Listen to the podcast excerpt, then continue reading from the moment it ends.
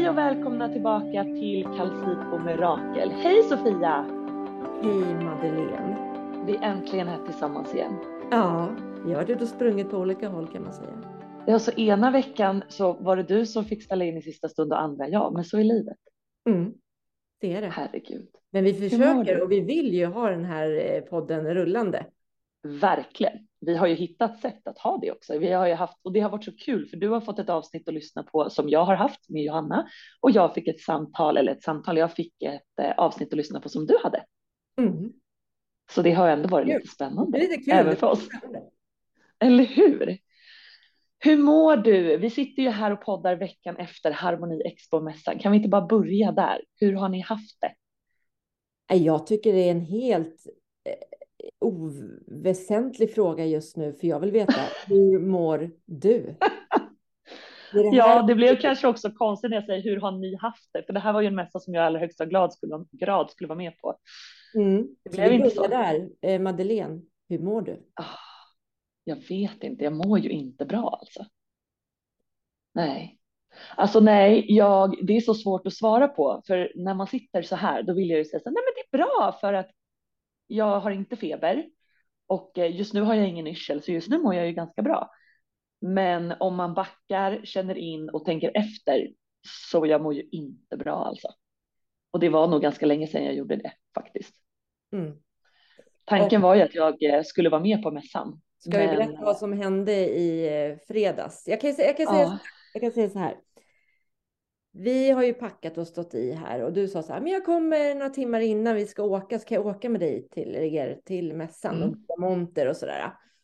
Och jag står här med eh, Österåkers kommun och gör en liten halv eh, spontan intervju och packa. Och du kommer in så här eh, insnirklandes från Roslagsbanan skitglad och bara hej, jag bara hej Madeleine! Och sen bara se, så ser jag på dig Mm. Och så försvinner du iväg. Ja. Och så kommer du ner i köket och bara gud nu blev jag lite sådär yr igen. Jag bara ska du verkligen vara med på mässan? Ja, ja men jag ska, ja men gud jag har ju längtat efter det här. Jag ska vara med. Och sen bara sätter du dig och bara uff. Jag bara Madeleine, Hur mår du egentligen? går nu upp och lägger dig där uppe på inför madrassen lite. Mm. Det var, Alltså det var, ja jag hann ju liksom, det är så sjukt, jag hann ta ett kliv innanför dörren. Alltså om man vet, om man har varit i stationshuset så är det ju som en liten förhall på kanske en meter. Som en liksom mellan dörr nummer ett och dörröppning nummer två. När jag sätter min fot där, då känner jag bara hur det snurrar till i hela huvudet. Och jag säger samtidigt hej och så känner jag, åh fuck, oj, så får man inte säga, förlåt. Men åh herregud, nej, det snurrar igen. Och då säger du, här är bla bla bla, hon gör en intervju med mig och jag känner, åh herregud, jag kan inte svimma nu. Det är liksom en intervju på gång. Så jag säger bara, jag är lite snurrig, eh, jag går bak lite. Och sätter mig på trappen upp till övervåningen och känner bara, gud, jag håller på att svimmar. Men det lägger sig lite, jag springer på toaletten, kommer ner igen. Jag står och pratar med dig om att nej, men det här ska nog gå bra. Jag tar lite pauser på mässan bara och jag ser på dig att du bara så här, ain't working. ain't working, men jag tänker att ja, ja, ja. Och så går jag ut i butiken och då fortsätter det vara sån kraftig yrsel så jag bara känner så här, jag, jag håller på att svimma. Jag försvinner bort. Jag, och då blir ju jag rädd såklart och får panikångest. Så jag skakar ju i hela kroppen helt okontrollerat och sätter mig bara på en köksstol. Mm. Om vi stoppar där. Det här har ju hänt bara för, Ja. eh, vad var det, en månad sedan? Nej, alltså om man ska vara, liksom, dra det en snabb recap så är det ju att jag har haft panikångest sedan jag var 16 och det vet jag hur jag kan hantera och det får jag i stressade perioder och det är liksom, det stör inte mig längre höll jag på att säga, men det, det kan jag hantera. Men i januari så var jag eh, ja, i Stockholm med mina två äldsta barn, skulle på Disney on Ice, eh, mår helt, alltså jag mår så bra. Mm. Jag har mått bra länge. Jag har gått och tänkt att gud, jag mår så bra nu och allt är så lugnt och jag får göra grejer med kalcit som jag älskar. Jag har mitt andra jobb med fantastiska kollegor. Alltså allt kändes så harmoniskt. Och jag har känt mig liksom, jag mår jättebra. Vi har haft jul och vi har haft nyår och det här är liksom första dagarna på nya året. Och från en sekund till nästa när jag går av tvärbanan i Globen med mina två barn eh, i Stockholm så bara får jag en yrselattack utan dess like. Får lägga mig ner på asfalten och få hjälp av förbipasserande. Mm. Eh, yrseln höll i sig till och från i kanske 30 minuter, men det här skakandet i kroppen, hela jag skakade okontrollerat. Eh, jag var torr i munnen, käkarna spände. Det vet jag är panikångest, men den här kraftiga yrseln som kom först var jag så här, vad var det? Och här hade jag ju turen att fantastiska förbipasserande kunde komma, att min mamma och moster bor i Stockholm, så de var ju där på 30 minuter. Eh, min moster tog barnen på Disney och Nice och jag åkte hem med min mamma. Och här var jag så här, vad var det här? Och vart ju såklart så här, gud, tänk om det här händer igen när jag är själv med mina barn, för det var ju den största liksom stressen i det här att jag var i en annan stad med barnen själv. Eh, och jag var hos läkaren och min man tyckte ju direkt att det här är utmattning. Alltså det var ju bara en tidsfråga. Jag var helt, han var helt säker på att nu har hon gått in i väggen.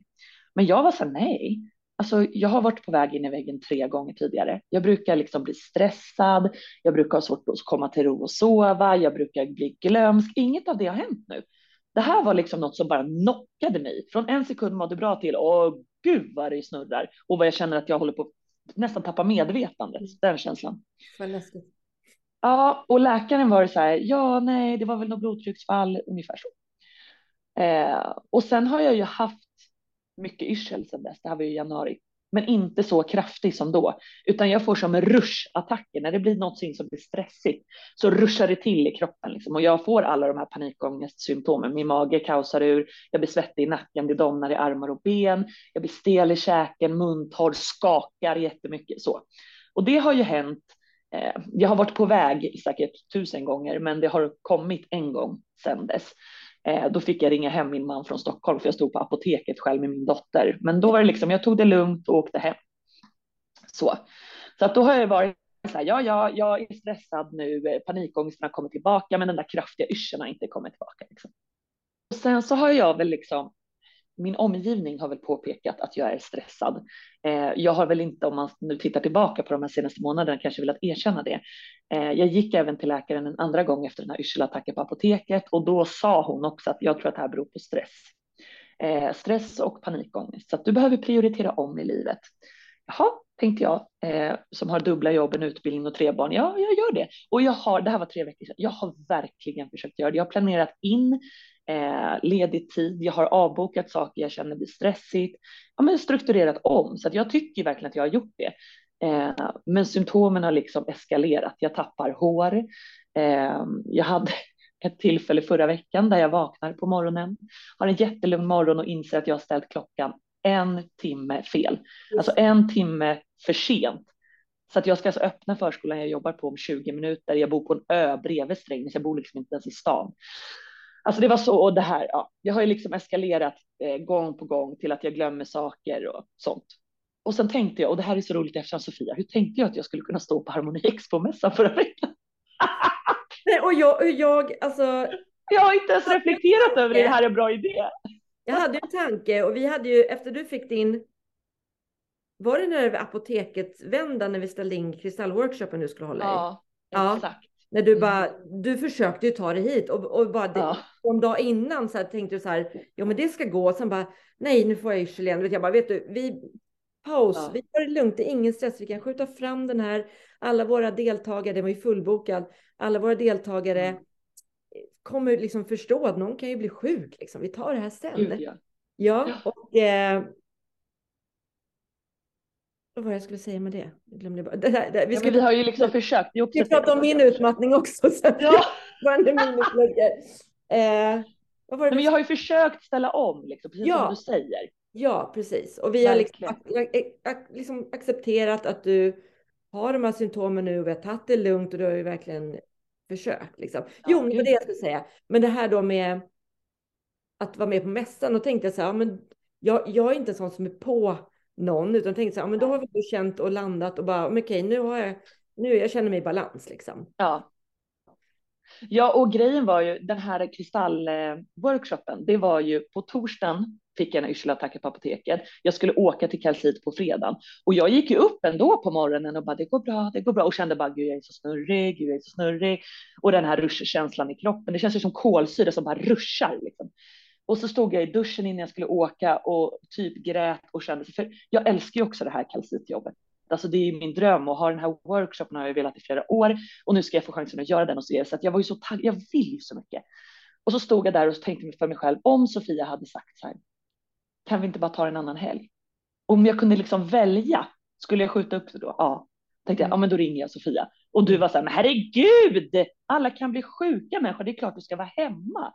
Världens liksom bästa chef, alltså gud, jag grät ju så mycket på det samtalet.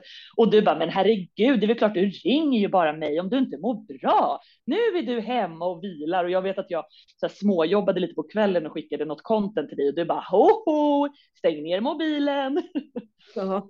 Så att jag menar, jag har ju försökt att prioritera om, men förra veckan om man tittar tillbaka så var det ju så många, jag började tappa som jag sa jättemycket hår, jag har ögonryckningar, det var ju symptom som jag bara valde att titta bort från. Men jag försökte. Jag ville vara på mässan och jag var mm. och sen åkte jag även till, till Stockholm en dag tidigare. Jag åkte redan på torsdagen och landade liksom hemma hos min mamma för att jag skulle ta det lugnt. Och jag mådde liksom väldigt rushigt och stressigt och så när jag åkte till Stockholm. Men där på fredagen i fredags, då mådde jag bra. Tills jag började sätta mig på Roslagsbanan, började känna mig så åh, nu är jag långt hemifrån. Bara den känslan stressar mig. Tänk om jag mår dåligt här, det är långt hem då. Men jag vill ju så gärna. Och sen klev jag av och så höll jag på att svimma på kalcit. Ja. Så dagens eh, ämne på denna podd är? Utmattning. Madeleine är utmattad. Alltså det verkar ju inte bättre. Det är så svårt att sätta de orden själv, för jag är ju fortfarande så här, är det verkligen det? Så har man en dag när man är lite piggare så känner man nej. Du redan här, det är redan här ja. eh, när du liksom det hade släppt lite just den här yrselattacken och mm. eh, du kom ner, jag sätter mig här nere i butiken lite med er. Mm. Du bara, men nu känns det ju bättre. Alltså nu ska jag inte. Jag bara, du ska hem. Då hade du ringt din man som hade åkt. Ja. Vad är det, en och en halv timme, två timmar? Vad ja, en och en halv. Var mm. så dålig precis när det där hände. Eh, och i bilen kände du ju också, berättade du så här, bara, ja. men, men skulle, nej men skulle jag ja. åka? Nu mår jag ju Ja, ja.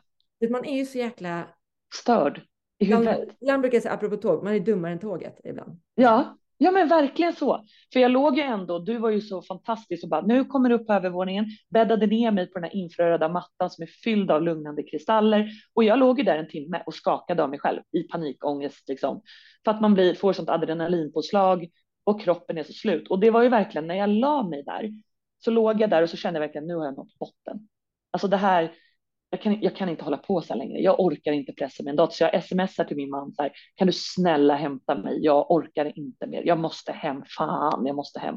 Jag sjukskriver mig eller vad som helst. Så han åker ju och hämtar mig. Men som du säger, när jag legat, det tar en och en halv timme för dem att åka och jag låg där en timme på den här mattan och Pernilla som jobbar hos oss skickade andningsövning till mig och du var uppe och kollade till och sen kom jag ner och bara nej, det känns lite bättre. Fan, jag kanske inte skulle ha ringt.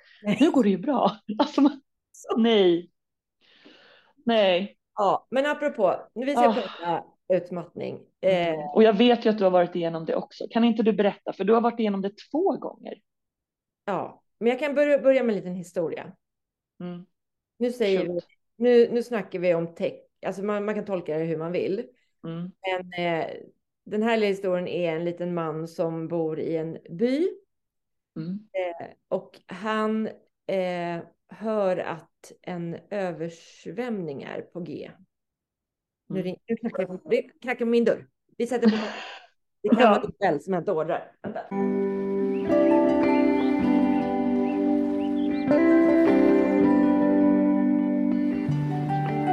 Så jag är tillbaka. Det var bara DHL som skulle hämta lite av era fina ordrar ska iväg. Ja, det vill vi inte stå i vägen för. Jo, den här historien handlar om eh, man kan eh, relatera till att lyssna på sin kropp och eh, kroppens mm. signaler, att man ska lyssna på dem. nu pratar jag om att det är man som ber till Gud, men det kan ju vara att man, ja, man kan referera till vad, vad som helst. Men han bodde i alla fall i en by och först hörde han rykte om att det här, att det skulle komma en stor översvämning. Så att folk började fly, liksom så här. Men han var så här, nej, nej, nej, jag ber till Gud, det här kommer gå bra, jag, eh, det löser sig. Jag klarar mig. Ja, jag klarar mig. Jag bor kvar här. Eh, stannar kvar i huset. Det börjar fyllas på vatten liksom på gator och liksom eh, överallt. Men han eh, stannar kvar i huset. Sen kommer en granne och bara, du, nu sticker vi liksom med sista bilen som går att köra ifrån. Ska du med? Han bara, nej, mm. nej, nej, jag stannar kvar. Det här kommer lösa sig. Jag har, jag ber, jag, Gud kommer hjälpa mig med det här. Och vattnet stiger, grannen har stuckit och han går upp på övervåningen och vattnet stiger ännu mer. Sen klättrar han upp på taket för det är liksom vattnet är upp ända upp vid skorstenen nästan. Då kommer en helikopter och bara, vi hjälper dig, vi hjälper dig. Så här, ja. härifrån. Han bara, nej, nej, nej, det kommer lösa sig. Jag, jag, Gud kommer hjälpa mig med det här. Och till slut så liksom drunknar han ju för det blev så himla mycket vatten. Mm. Då kommer han upp till Gud. Jätteblöt. Jätteblöt. All, allting är jätteblött. Bara bryter om. Ja.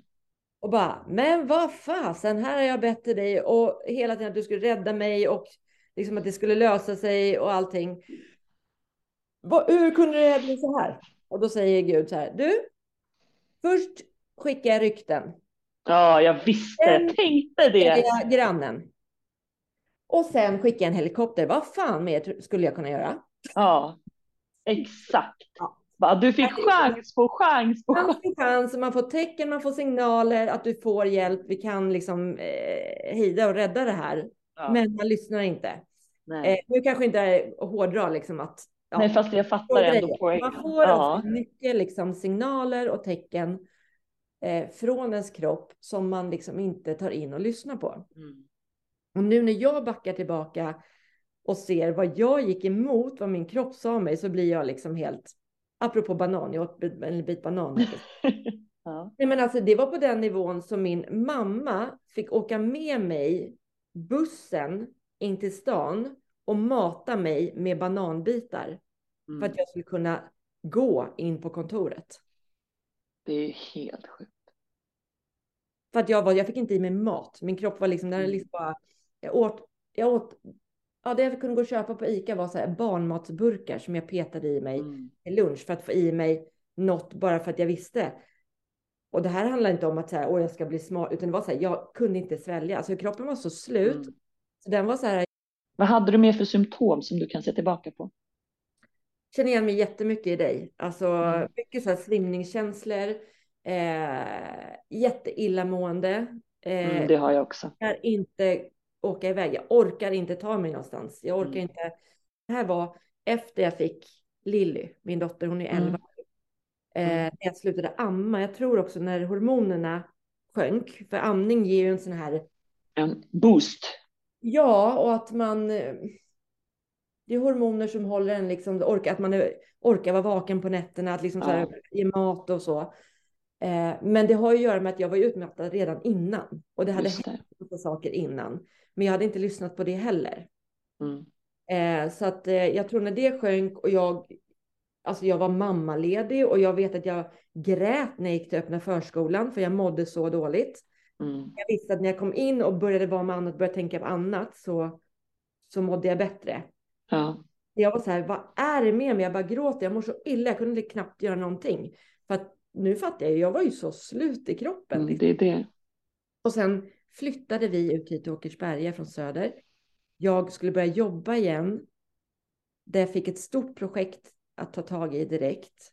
Och Mm. nya resvägar, du vet jag skulle hitta buss. Det var bara så här, det var mycket förändring. Det är ju ofta Mm. så. Oftast är det ju inte en grej som gör att man, Nej, exakt. utan det är ju många olika del, bitar samtidigt som gör att det börjar vackla liksom. Det tippar liksom.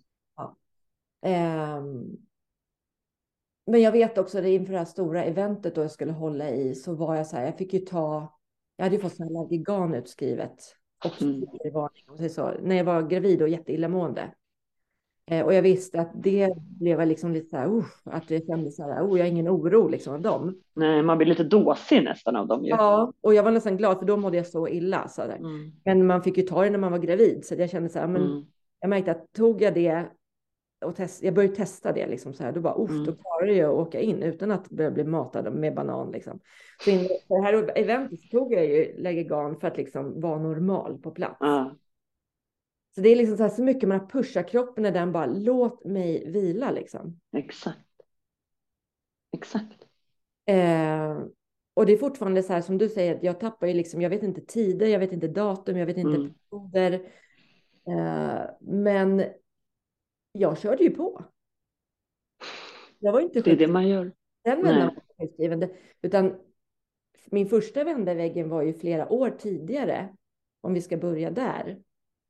När jag också bytte jobb och det var snurrigt i min familj. Också väldigt så dålig tidsuppfattning, men jag gick i alla fall till läkaren för att jag kunde inte sova, så jag ville ha piller mot det. Och så, Ja. så här, okej. Vad Eh, är, beror det på? Ja, eh, och jag var så här, eh, men jag, behöver, jag, jag kan inte sova, jag vaknar jättetidigt på morgnarna. Eh, så har ni bara någonting som man kan liksom ta för att jag ska kunna sova? De bara okej, okay, men hur mår du? Hur jobbar du? Jag bara nej, men det är skitbra. Jag ska bara fixa det här eventet i London och sen ska vi ju resa dit med det här. Vet jag var ju så här mm. projektledare på olika grejer. De bara okej, okay, eh, så, så är en smart läkare har jag förstått i efterhand. Hon bara du, eh, har du så här, känner du att du har ont i ryggen och så här också? Jag bara, åh gud, alltså jag, jätte, jag hade ont överallt. Ja. Jag har en jättebra så här, sjukgymnast som du kan gå till och få massage, typ på två frikort, typ så här. Jag bara, ja men fan, klockers. Liksom. Skönt! Klockers! Den sjukgymnasten, hon masserade inte mig en enda gång, utan hon var ju även terapeut. Aha. Terapeut, samtalsterapeut. Eh, så hon satte ju mig i en fåtölj och så här, innan vi börjar med din massage så ska vi så här, och du vet, kolla läget. Jag hade aldrig varit och pratat med någon på det sättet. Nej. Nej, så det var ju så jäkla rätt person i rätt, på rätt tidpunkt. Eh, men så jäkla tufft att börja. Det var första gången jag var så här, vadå säga upp sig? Vadå eh, säga nej till de här projekten? Vad, nej, men det går ju, det kan man ju inte göra. Hon bara, jo, nej. man kan faktiskt sätta gränser. Men bra läkare ändå, för det känns som många läkare är sen, jag kan sova lite då. Ah, här får du medicin. Ja, nej, men det var ju min, annars hade jag ju fått medicin så hade jag ju fortsatt. Ja, exakt. Så det här var ju en, eh, ja, jag, jag träffade, jag har träffat, många klagar på sjukvården, men jag har faktiskt träffat mm. väldigt bra läkare och personer på hela min, har jag sett nu i efterhand, hela min resa. Skönt. Eh, men i alla fall, hon började ju få mig att bara prata och jag bara grät och grät och grät och det var så mycket mm. liksom lagrat. Mm. Eh, och då började jag ju må ännu sämre såklart, för då rasade ju sköldar och galer liksom, ja. upp. Så jag fortsatte, hon bara, du, jag, vill, jag vill sjukskriva dig nu. Jag bara nej, jag måste göra klart den här mm. resan till London med hela det här gänget som har vunnit den här säljtävlingen och jada jada. Hon bara okej, okay, då gör du det. Sen sjukskriver jag dig. Mm. Okej. Okay.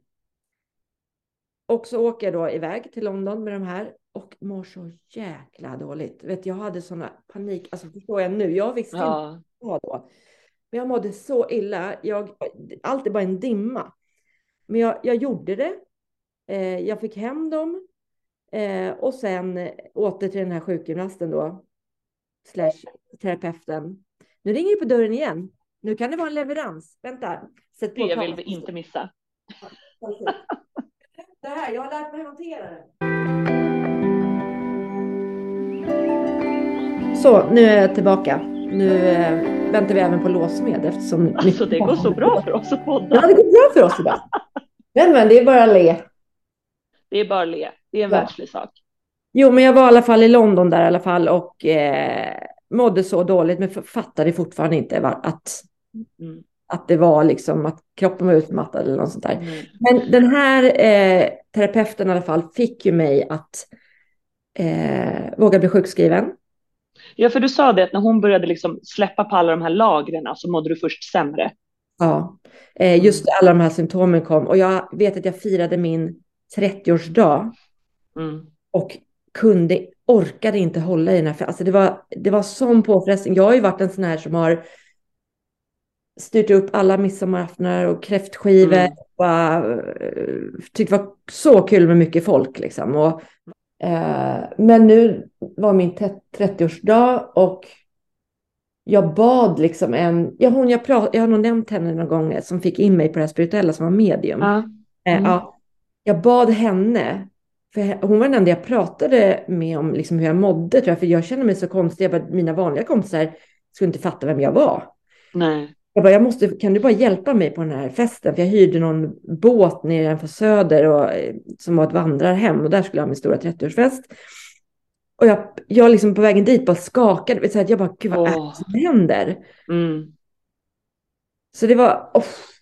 och jag vet inte liksom när i tiden det här var att jag sjukskrev mig eller sa upp mig. Jag har liksom ingen minne, men. Men hade du ett annat jobb eller hur vågade du hoppa för att bara säga jag säger upp nej, mig nu? Nej, utan jag pratade nej. med mamma, kommer jag ihåg.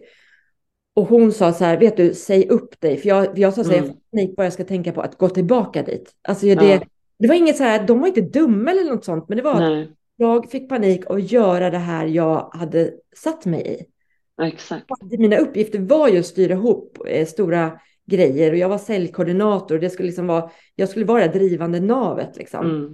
Och jag hade fått det, jag var en stor liksom, eh, vad heter det, eh, rekrytering med mm. personlighetstester. Och, men det här har jag också lärt mig. Att, Då ska man vara så tacksam. Ja, och personlighetstester, de letar efter sådana som oss till sådana här tjänster. Nej.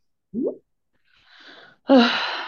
Vi sätter inte gränser och säger inte nej, nej. på det, utan vi plisar och sopar banan. Och det här, jag har faktiskt skrivit upp några saker inför vårt poddavsnitt mm. som har gjort mig lite saker vi kan ta sen. Vad gör att jag inte hamnar här igen? Saker jag förhåller Gärna. mig till nu. ja, för att ni hör ju, det händer grejer här. Jag är fortfarande virrig, tappar ord och sånt, men jag har lärt mig förhålla mig till min mm. i grunden utmattning som jag alltid kommer ha. Mm. Kanske inte i kroppen, men fortfarande i hjärnan. Ja, som du säger, det kommer väl alltid handla om att lägga upp sitt liv så att man orkar med. Ja, eller så ska det inte kännas att man ska orka med sitt liv. Nej, nej, men jag menar bara att du kommer ju alltid behöva planera på ett annat sätt. Om man har sett sitt liv som jag kör, kör, kör, kör, kör, så kanske man nu ska se sitt liv som jag kör och så stannar jag på den här perrongen och tar en kaffe och så kör jag lite till och så att man planerar. För det är ju så. Det låter ju så sjukt. Jag vet att Johanna pratade om det när vi hade det här avsnittet om sensing yoga, att hon planerade in tid som var tom. Mm. Som hon kunde sitta så här, okej, okay, vad vill jag göra nu den här timmen jag har planerat in? Men att man kanske måste se sitt liv på ett annat sätt. Det var så, väl mer så jag menade. Får jag berätta en till historia? Ja. Jag har så många historier nu. Ja, jag vill höra. Men det är sådana här som har satt sig som jag verkligen har tagit till mig. Den här tror jag gjorde en story på Calcits Instagram för kanske ett eller två år sedan. Eh, mm. Där jag berättade när jag gick i skogen med hundarna.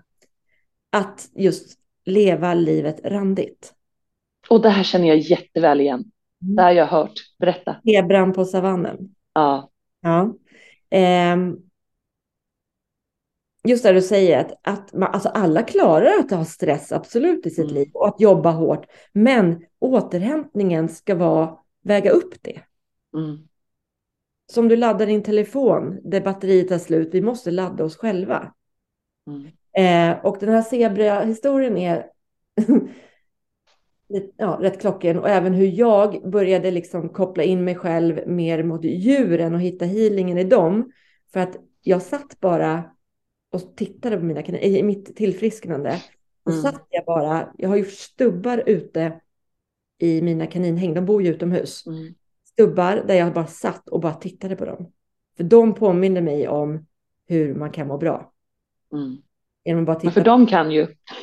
Ja, och då ska jag dra först zebran då. Om man säger att det är en zebra, han, den går och betar på savannen. Vad gör den då? Den hänger på savannen och käkar och mm. hänger med polarna. Den fyller på med mm. Ja. Så blir den attackerad av ett lejon som har gått och spanat och så blir det en attack och den springer och den fintar lejonet och den springer åt andra hållet, den fintar lejonet och den fintar och fintar. Till slut är lejonet så trött så att den, ja, lejonet ge, liksom ger sig. Ger upp. Mm. Vad gör zebran då? Jag lägger sig och vilar. Ja, och kanske betar lite till. Mm. Mm, den fyller på med energi. Mm. Men det här lejonet, den eh, kom ju på att det här är en jäkligt smart zebra som eh, liksom, och jag kör lite återhämtning då och då liksom. Eh, så den går och hämtar alla sina polare.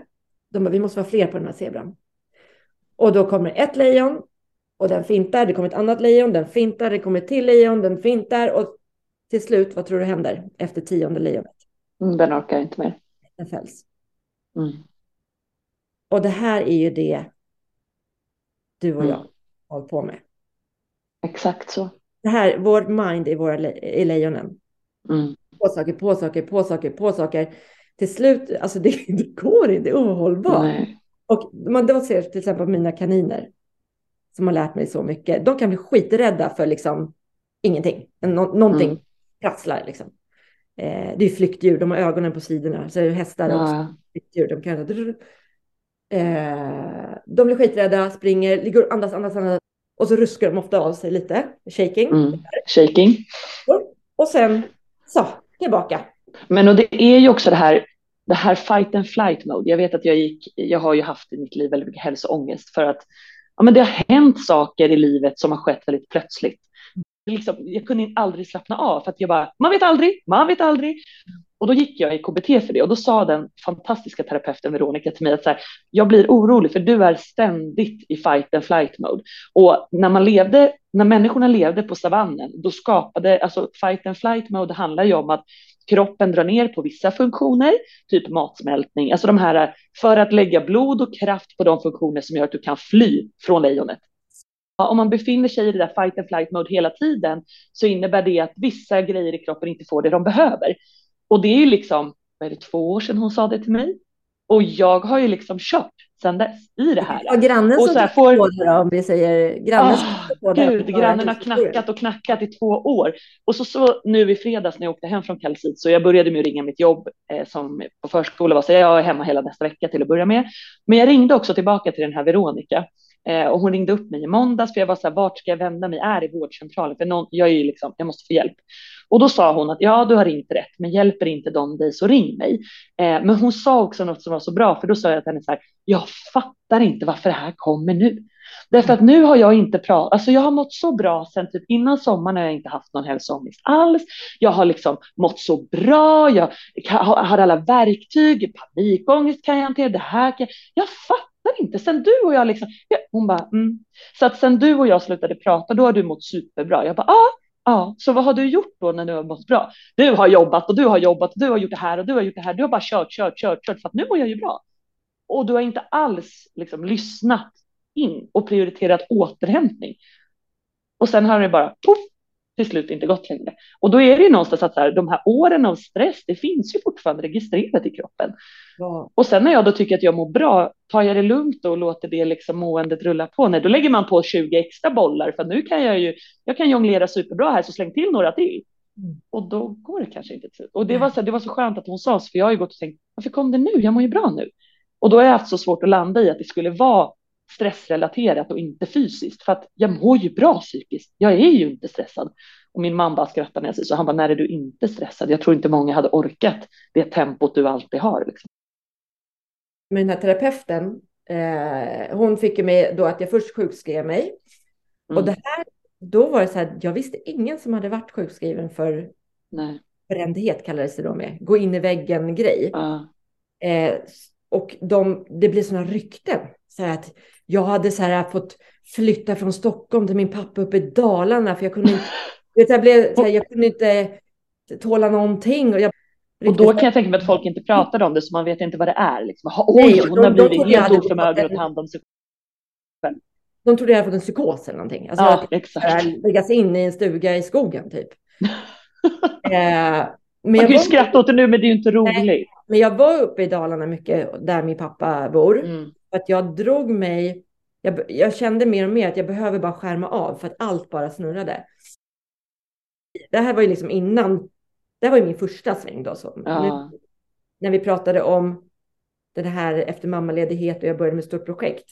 Det var liksom mellan gång ett och gång två kan man säga. Så man kan egentligen säga att det är tre gånger? Ja, för jag sjukskrev mig aldrig där. Nej. Nej. Eh, men jag, då pratar jag i alla fall, nu om vi pratar om första gången, att min mamma bara, men säg upp det. Jag bara, man kan inte säga upp sig. Jag har ett bra jobb. Jag kan inte bara säga upp mig. Hon bara, jo, det kan du. Jag bara, nej, men det går inte. Hon bara, jo, det kan du. Nu säger du upp dig. Mm. Vi backar dig här, liksom, om det är någonting. Men ja. du, liksom, du, nu, du har inte barn, du har, inte, du har en ja, hyfsat billig lägenhet, det kommer gå. Mm. Ja, så jag är säkert glad att mamma sa det, det kommer jag verkligen ihåg. Så jag sa mm. upp mig. Och den, Alltså jag bara kunde andas. Det var liksom. Men samtidigt så var det ju så konstigt att på dagarna när alla var på jobbet så var jag hem. Alltså vet jag vågade knappt säga det till folk. Jag tänkte så här, de kommer inte tro helt konstigt. Men där, det var där jag började så här läsa mycket. Mm. Vad är det som händer i mitt huvud? Det var där jag liksom, jag låg i Hagaparken på sommaren, kommer jag ihåg, och bara läste om så här personlig utveckling, mental träning, och, det, och lärde mig det här, det är när man har tråkigt som kreativiteten föds. Mm, du ser. Eh, och där började jag så här, jag vill, nej det är det här, det är det här, det är någonting med det här jag vill göra.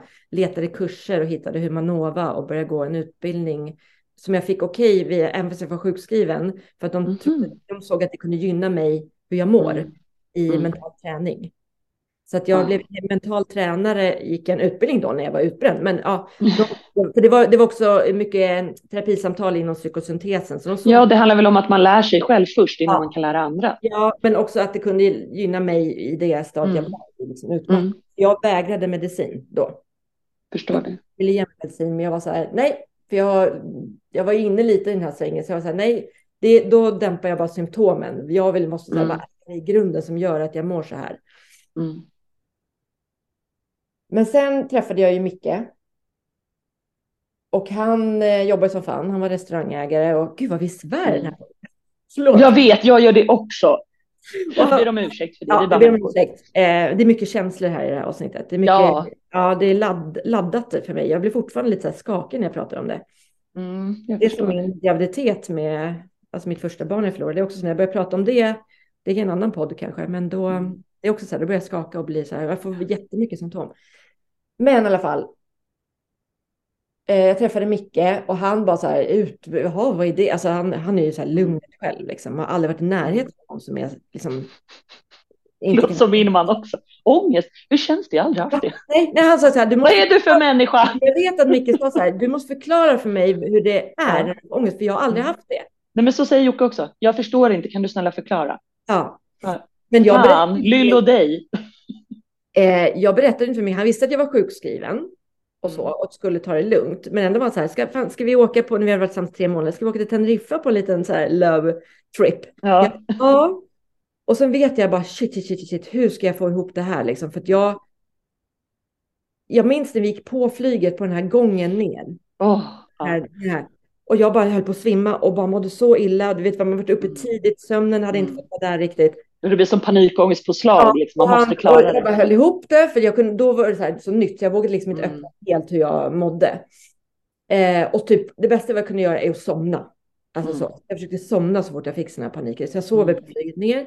Sen ville han gå ut så på barer, du vet, så här, som nykär, bara dricka Ja. drinkar, ta en bärs vid stranden. Och jag bara, "Ugh, jag vill bara dricka te, för jag frös alltid när jag fick såna här grejer. Åh. Jag satt och drack te och han bara, jag tar väl en öl då, eller det var inte. Jag är så efteråt, jag bara, hur sjutton kunde han? Tycker att du var ashärlig. Men du bara, jag är härlig om jag bara får vara hemma. Ja, jag ville bara vara hemma. Så jag var så, så kände jag, jag vill inte åka någonstans, jag vill bara få vara här hemma. jag bara, kan vi gå tillbaka till hotellrummet och bara se en film på Ja. datorn? Han bara, eh, okej. Okej. Alltså, det var så här rolig semester, men jag var bara helt skakig. Men jag fattar Ja. fortfarande inte att jag var utbränd Nej. på det sättet. Mm. Helt jävla sjukt. Men sen kom vi på den fina idén att vi skulle köpa lägenhet ihop när vi skulle flytta ihop. Ja. Ett år senare. Och jag bara, men jag tar ett jobb. Nu mår jag bättre. Inte det här arbetsträna, börja ta det lite lugnt. Nej. Tar ett jobb, får ett jobb. För att jag går in och bara, man vågar inte säga att man har varit utmattad. nej, nej, man säljer in sig själv, det kan jag tänka bara mig. jag har pluggat sa jag. Jag har pluggat, Ja. paus. Jag är fit for fight, ge mig 100 procent. Vi kör på ett ganska stort företag. Ja. Får tjänsten. Eh, och sen börjar det igen, så här, kan inte äta, jag bara tappar vikt och du vet så här, Mm. Får smärtor i kroppen och, och vi försöker skaffa barn och det går ju inte så bra liksom i det här. Eh, till slut blir jag gravid. Nu blir det en lång resa, min resa här, men ja, men det är så det ska vara. jag blir gravid precis när vi börjar en utredning. Eh, vilket är då bönan som är, vi kallar henne vårt första barn Mm. och mår så jäkla dåligt. Men tar mig till jobbet. Jag vet, jag mådde så illa. Jag liksom gick mellan, folk gick och rökte överallt kommer jag ihåg. Så jag bara gick så här från gator, trottoarer bara för att liksom, det var Ja. ja. som var utplacerade med alla rökande människor. Till slut blev jag sjukskriven för det går liksom inte. Eh, för att jag tappade, det kom bara en ond spiral. Jag tappade så mycket energi av att inte kunna äta och bara mådde illa. Och jag tror det här också, jag hade ju en stress i kroppen redan från början. Så att jag, när jag mådde ännu mer illa så blev det så här igen att jag inte kunde äta och liksom sådär. Nej, det triggar igång liksom. Ja. Men läkaren tycker i alla fall så här att försök komma iväg någonstans, byt miljö liksom och så. Också Mm. återigen en bra läkare. Så vi åker utomlands. Och där kunde jag sluta med Lägerganet direkt. När jag kom liksom. Va? Ja, för där fick jag inte samma illamående grej. Så att jag tror, Nej. det var ju en stress liksom så. Ja. Eh, men sen då när vi kommer hem så eh, en månad efter, men sagt det är en helt annan podd, men då får vi reda på att Mm. barn har dött i magen. Eh, och det var ju en inte så härlig harmonisk Nej, fy. att föda fram ett barn som är Hur långt gången var du då, får jag fråga dig? 19. Åh, Så hon hade ju liksom naglar och eh, ja. ju, Man vet ju när man ser dem i ultraljud i vecka 20, det är ju en människa i allra ja, högsta det, är lite, det var en liten människa. Hon Mm. var 18 centimeter. Och liksom, ja, allt, det är bara mini liksom. Det är ens värsta mardröm. Ja, men det är, det är en annan. eh, Mm, det är en annan podd. Ja, men- Det ska vi ge den uppmärksamhet det förtjänar också. Eh, men det ledde ju till liksom, ja, en sjuk sorg såklart. Mm. Men en vecka efter gick jag tillbaka och jobbade. Nej. Eh, vi eh, eh, på ett igen liksom så här. Men jag, blev gravid Mm. i alla fall. Eh, och där i vecka 10 började jag ju störtblöda med henne. Det är ju en jätte, jag var så rädd hela den graviditeten. Det Ja, var jag förstår det. stan, på stan, det började störtblöda, mamma får åka in Åh, gud. taxi till SÖS, det bara forsar blod. Ah. sparkar, men hon lever. Inlagd, och du vet så här till slut Mm. vecka 20, 20 någonting, 23 tror jag, då blev jag liksom placerad på en soffa. Mm. Men vad tror man att det berodde på? Var det någon livmoder som... Ja, nej men det var, Ja. moderkakan låg för exit. Ja. Och Mm. när livmodern växte, placenta previa heter det, nu har jag Ja. lärt där. Mm. När livmodern växte så släppte liksom, det ryckte i moderkakan. Festerna, ja precis. Mm. Eh, Den släppte lite som en skosulla som släppte och fäste Just det. det kan ju vara en fara, men varje gång det här hände, som nästan var dagligen, så fick jag en, inte Men såklart. Såklart. det är också en helt annan historia, men det här ledde ju till Mm. att jag hade en enorm påslag med rädsla i, Mm. hon kom ju för tidigt på grund av allt det här, vecka Mm. 34 eh, kom hon i ett akut snitt och eh, och sen den här amningen på det, hon var för tidigt född. Så det jag tror, när då jag slutade Mm. amma och de här äh, lugn och ro-hormonerna försvann ur min kropp, Mm. då blev den här feta smällen och jag fick det bara i Igen. yrsel. Ja. Mm. Så, och Ja, men om man hör det utifrån så känns det ju aldrig som att du fick någon paus. nej, För jag kan tänka mig att du då var så här, åh den här månaden mår jag bra, men när man ser det utifrån så månade ingenting hit och dit, utan det var ju ett konstant stresspåslag under flera år. mm. så Mm. inte konstigt man brakade sen när Ture då var, andra när han var ett, ja, nio månader. Då Mm. kom min andra, när liksom jag bara, det går inte längre liksom. Nej. Ehm, så att, ja, gud vad man hållit på, apropå det här Mm. grannsäkra på helikoptern kommer. Ja, ja, ja, ja, visst. det är helt galet hur man har pushat sin kropp. Ja. Men hur märkte du den, den gången när du gick in i väggen när Ture var liten? Minns Det var ju att jag, jag fortsatte ju efter jag kom tillbaka efter mammaledigheten och Mm. vi ville försöka få syskon till Lilly. Mm. Eh, och jag pushade på min kropp en IVF på det.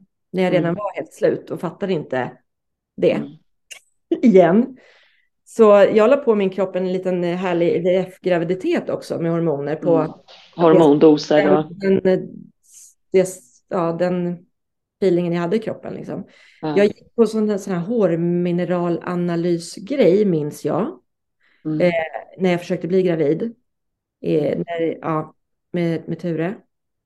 Eh, och hon fick tillbaka resultaten. Och då kommer jag ihåg, jag satt i hennes väntrum innan och försökte peta i mig brödsmulor från en macka. För att jag, jag fick inte i mig mat. Eh, och hon bara, Mm. du, alltså det är olika staplar här. Som man ser på hårmineral. Aha. Ja. Där i energinivåer, i olika mineraler. Man har, de kollar, I håret kan man liksom se hur en Jaha. det är skitintressant. Mhm. Men din, alltså i utmattning, den stapeln, Mm. den syns knappt. Hon bara, du Nej är väldigt nära. Jag bara, är jag? Bara, jaha. Åh, jag orkar inte. Och så tänker man så här, det visste jag inte. Nej. Eller? Nej, hon var så här, också så här, du behöver prioritera om det. Jag bara. Ja. På det här så fick jag även, alltså det här, det här avsnittet blir helt sjukt, men det här, är alltså, det här har ju lett till att jag bara vill jobba i den här miljön nu. Mm. Man förstår, det var många Ja. örfilar innan.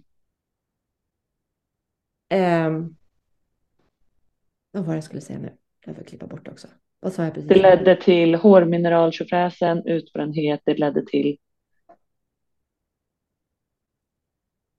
Jag har ju fortfarande luckor på så här två, några sekunder, sen kommer det tillbaka. Mm. Det är okej, det kommer. Ja, men vänta. Ja, för det var något viktigt. det kommer tillbaka. Ja, men vi pratade om hur du mådde efter håranalysen. Och att det är det här som har gjort att du nu bara vill jobba i den här miljön. Ja, men innan det. Mm.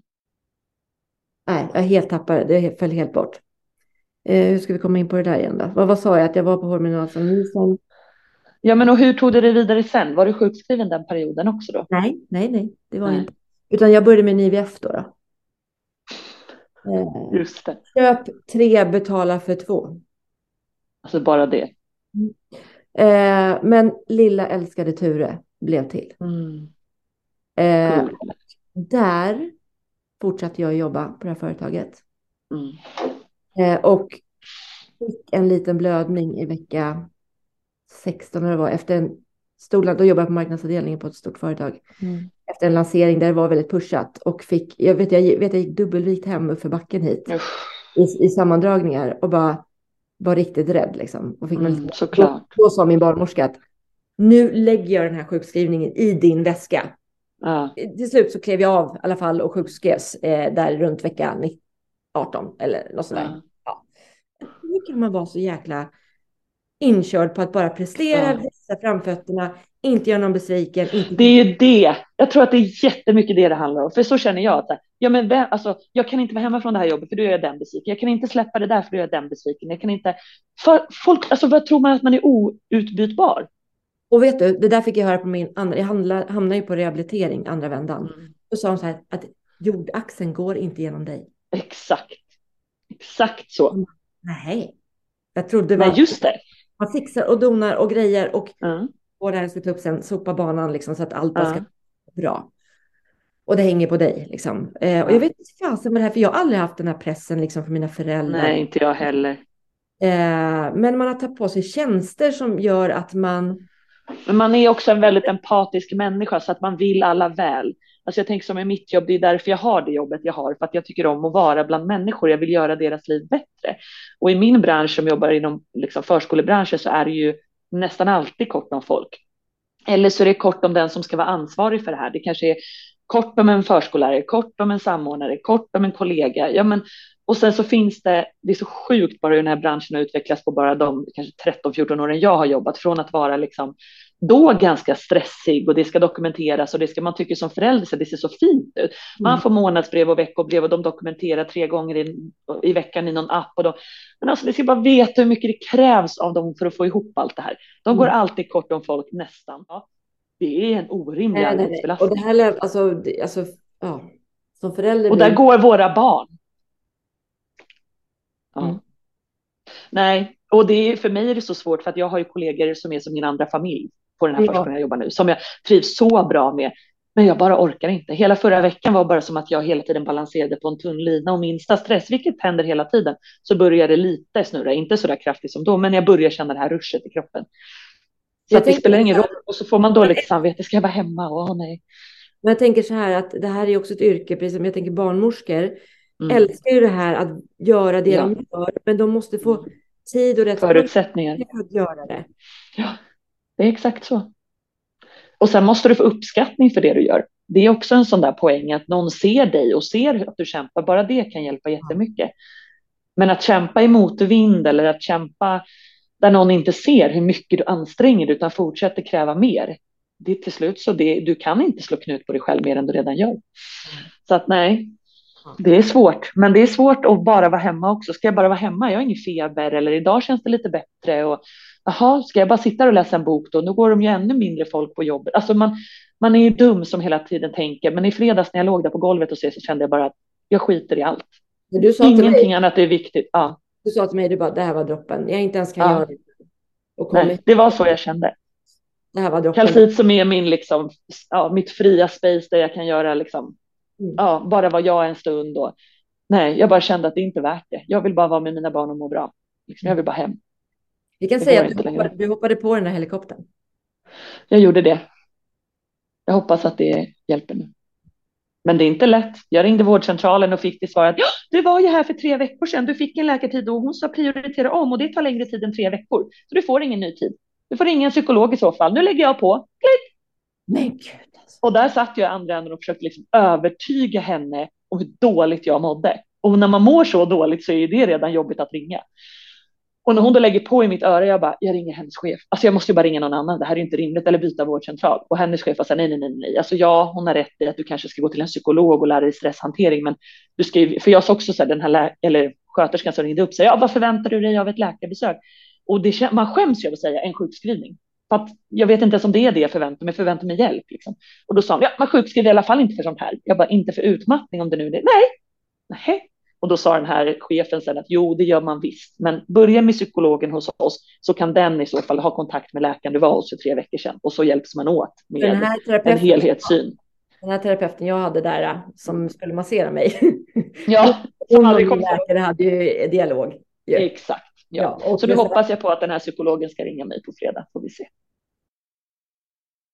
Jo, nu kom jag på vad det var innan, efter den här mineral... Ja. Att jag gick ju till läkaren för att jag eh, mådde så illa och mm. frågade om det är okej okay att ta Elargiganet som jag har med det här datumet, är det okej okay mm. att ta? För jag vet att det blir bättre. Mm. Ja, vi måste nu undersöka dig om du mår illa utan så här konstigt, liksom, bara utan ja. att klämma på Och sa så här, mm, det känns som att något är förstorat här. Vi måste Va? det kan vara eh, mm, cancer i... Nej men sluta! Ja, vad du sa, bukspottkörteln eller något mm. sådär. Jag bara, ursäkta? Som att jag inte redan hade. Vad sa du? Jag var ju redan jäkligt svag mentalt kan jag säga. Ja, såklart. Med, jag stod och gungade Lilly vid någon gungplats här och bara, alltså jag mår så dåligt och jag bara, ska jag dö nu också? Nej men fy. Så fick jag vänta en månad på remiss och visste inte om jag hade cancer. Nej men det är ju. Eh, och sen ligger jag då, mamma följer med mig, jag dricker den här kontrastvätskan och grejer, ska göra mm. Och lägger mig på det här bordet och så säger hon så här, ja vi måste fråga, du vet inte om du kan vara gravid, för det måste vi fråga. Jag bara, ja, ja vi försöker ju skaffa syskon så jag vet inte, men det mm. går inte så bra så det är jag nog inte. Nej, då kan vi tyvärr inte göra den här undersökningen. Ja, men vad fan. Jag bara, vet ni, nu har jag gått en månad och väntat på om jag ska dö eller inte. Ja. Nu, nej, vi kan inte göra det. Men ge mig ett gravtest, kan jag kolla snabbt? Ja, nej, så bara, vet du, vi kan göra en annan slags röntgen på dig när de kollar. Nu kan inte jag vad det var. De gör en, en ultraljud kanske. Ja, något sånt. Ja. Eh, där de också kan se mycket, liksom, om det är ja. någonting med din buk, bukspottkörtel. Då kom jag in dit och han bara lugn. Jag kommer, han var så lugn och bara la en hand på mig. Jag bara, vet du, jag kommer kunna se jätteväl på det här om det är någonting du behöver. Ja. Att de ens har skickat dig hit.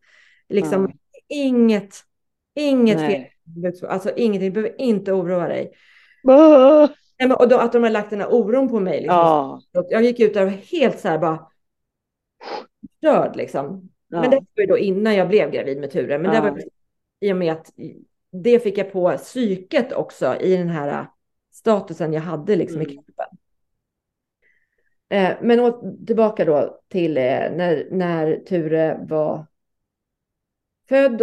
Och så började det igen då med sömnlösa nätter. Du vet det här, jag var uppe på hormoner. Mm. Men även om jag ammade med de här hormonerna i kroppen så började min kropp eh, säga ifrån. För då mm. hade den hållit ut efter Lillys graviditet, jobbat IVF, mm. graviditet mm. och ett snitt som är som en, en jättestor operation. Som kräver jättestor, absolut. Från kroppen. Det är som att man är ju inte ens sjukskriven. Så. Det är en bukoperation, det är jättekonstigt. Det är som att, jag hörde det någonstans, kroppen reagerar ju som att du har blivit eh, uppriven av en björn. Ja, ja, ja. Resurserna med hjärn, alltså blod, allting. Mm. Så. Ja, såklart. Det tänker man, Kroppen vet ju ingen skillnad. Liksom. Jo, precis. Sen ska ju, när man inte är sjukskriven, du ska inte, utan du ska lämna barn på dagis eh, någon dag efter. Och, oh, exakt.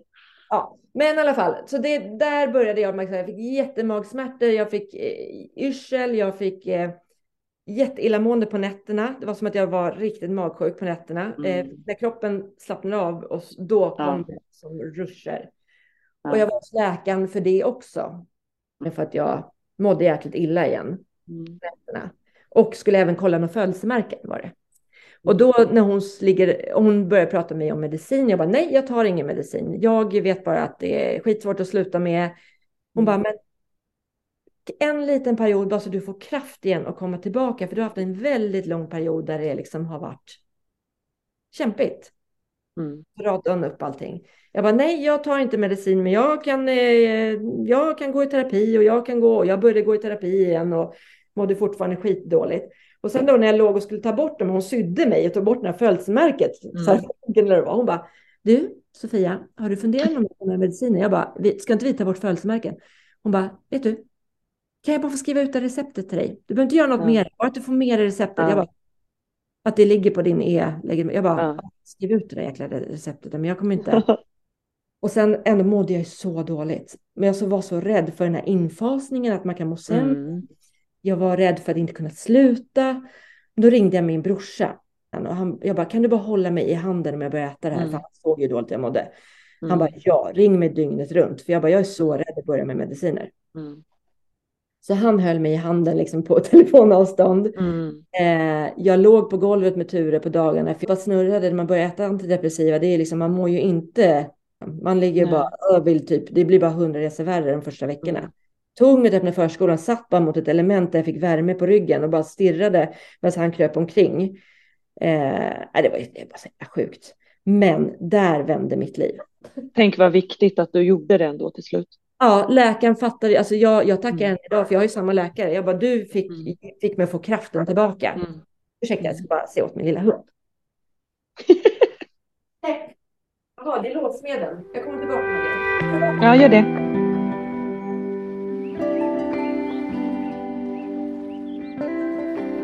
Tillbaka. Det var bara låsmedel som kom. Apropå... Ja, men vad bra. men det är ju svårt, alltså det är svårt att ta till sig. Jag, det ska vi också prata om i avsnitt, fick ju någon form av förlossningsdepression efter mitt första barn. Och det gick ju också nästan ett halvår utan att vi fick någon form av hjälp. Och jag har också alltid varit så här, nej, antidepressiva inte för mig, man fastnar i det, jag är inte beroende av något sånt och ge, nej, jag vill inte ha. Men till slut så hade jag liksom inget val, för det var liksom det eller så hade jag dött, så kändes det. Och de den enhet, det var ju också en chef, för det var ju också ett så, ja, jag blev bemött så dåligt, men det är ett helt annat avsnitt. Men det var ju också en människa som till slut, han räddade ju livet på mig. Han mm. var ju så här, tog tag i ett järngrepp, nu går du till den personen, här har du den medicinen och sen bara rycker jag upp dig. Och det hjälpte ju. Och jag äter ju fortfarande en låg dos av det jag har gjort sedan dess. Eh, och det kanske är viktigt att till slut så är, ah, surrender, att ja, ja, jag får väl ta den. Men att inte i det första skedet, för redan här när jag var tre veckor sedan här hos vårdcentralen så var ju det första hon sa. Ja, jag tror att det här beror på stress, men du kan få lugnande. Nej, men stopp, alltså vänta, jag vill inte börja med det. Kan vi börja med att kolla varför jag har det så här? Nej, men jag känner igen mig i alla fall så mycket i det du beskriver nu om den där stressen över hälsan eh, och att man inte vet, för det är ju det jag tycker är jobbigast i det här, att jag hela tiden hamnar tillbaka i det här hälsoångeststressen, att så här, oh, beror den här yrseln verkligen på stress? Alltså då är jag jättetacksam. Eh, men nu i januari när jag var på Disney och fick den här yrseln så sa ju min läkare efteråt, ja, men jag vet att du har extra slag på hjärtat. Eh, vi kanske ska göra en ordentlig hjärtundersökning. Jag är inte orolig, men för att du ska kunna slappna av. Eh, så det har jag gjort senaste månaderna nu och bara det att vara där på arbets-EKG, ha ett 48 timmars EKG, det, det är ju stressande för en. Eh, jag har också haft en liten cysta på ena äggstocken som har varit så här, ja, kom tillbaka om ett halvår ska vi se om det verkligen den är kvar. Jag kom tillbaka efter ett halvår nu i, bör- eller i slutet av förra året. Och hon bara, mm, den är kvar, jag tror att den är ofarlig, den är jätteliten, men jag skickar dig på en magnetröntgen. Det har jag också gjort senaste veckorna. Eh, hamnade på en magnetröntgen och var så jävla nervös Sofia, alltså så nervös. Och jag som har då lite hälsoångest och är rädd för att bli snurrig och tappa kontrollen och allt där, kommer dit. Eh, det stod också i ansökan, eller i eh, pappret där, att man kunde få kontrastvätska. Och jag är allergisk mot det, så jag hade ringt innan och de bara nej, nej, du ska inte göra den typen så att vi ringer dig om det är så att det gäller dig. Ingen ringde. Det stod också att man inte fick köra bil hem, men jag tänkte, ah, ja, jag vet inte varför och jag har inget körkort så att det gäller inte mig. Kommer dit, nej men då ska jag ändå få någon infart i armen och jag som är så här, oh, hatar blod och sjukhusmiljö och allt. Jag bara, hm, det var ju en stress för mig bara det. Jag var ju redan nervös över själva röntgen. Nej, hon sa nej, för du ska få kontrastvätska. Jag bara, nej, det ska jag inte få. Jo, det kanske blir så ändå. Och det är inte samma kontrast som du är allergisk mot. Det ska vara olika ämnen i. Jag bara, mm, ja, okej. Okay. Ja, och sen ska du få något så här muskelavslappnande som gör att magen slappnar av så att man ser den här cystan ordentligt. Jaha, okej. Okay. Eh, den gör också att du kan se suddigt. Okej, okay, ja. Det gjorde ju då att jag tappade typ synen på nära håll. Det blev jättesuddigt, så bra på långt håll. Alltså, det var så mycket grejer kring det här som gjorde mig stressad. Jag blev yr, det kunde, man kunde få hjärtklappning, allt sånt här som jag tycker är obehagligt. Och så mycket riktigt sa de efter 20 minuter att vi behöver kolla med kontrastvätska. Och jag bara kände med hela kroppen att nej, det kommer inte bli bra. Nej, jag kan inte göra det. Så jag sa faktiskt nej, ni får kalla tillbaka mig då. Och då lovade de att men vi kollar på bilderna en gång till utan. Och behöver du, då får du komma tillbaka. Men det behövdes aldrig, för det var en ofarlig cysta. Men det är så mycket sådana här grejer.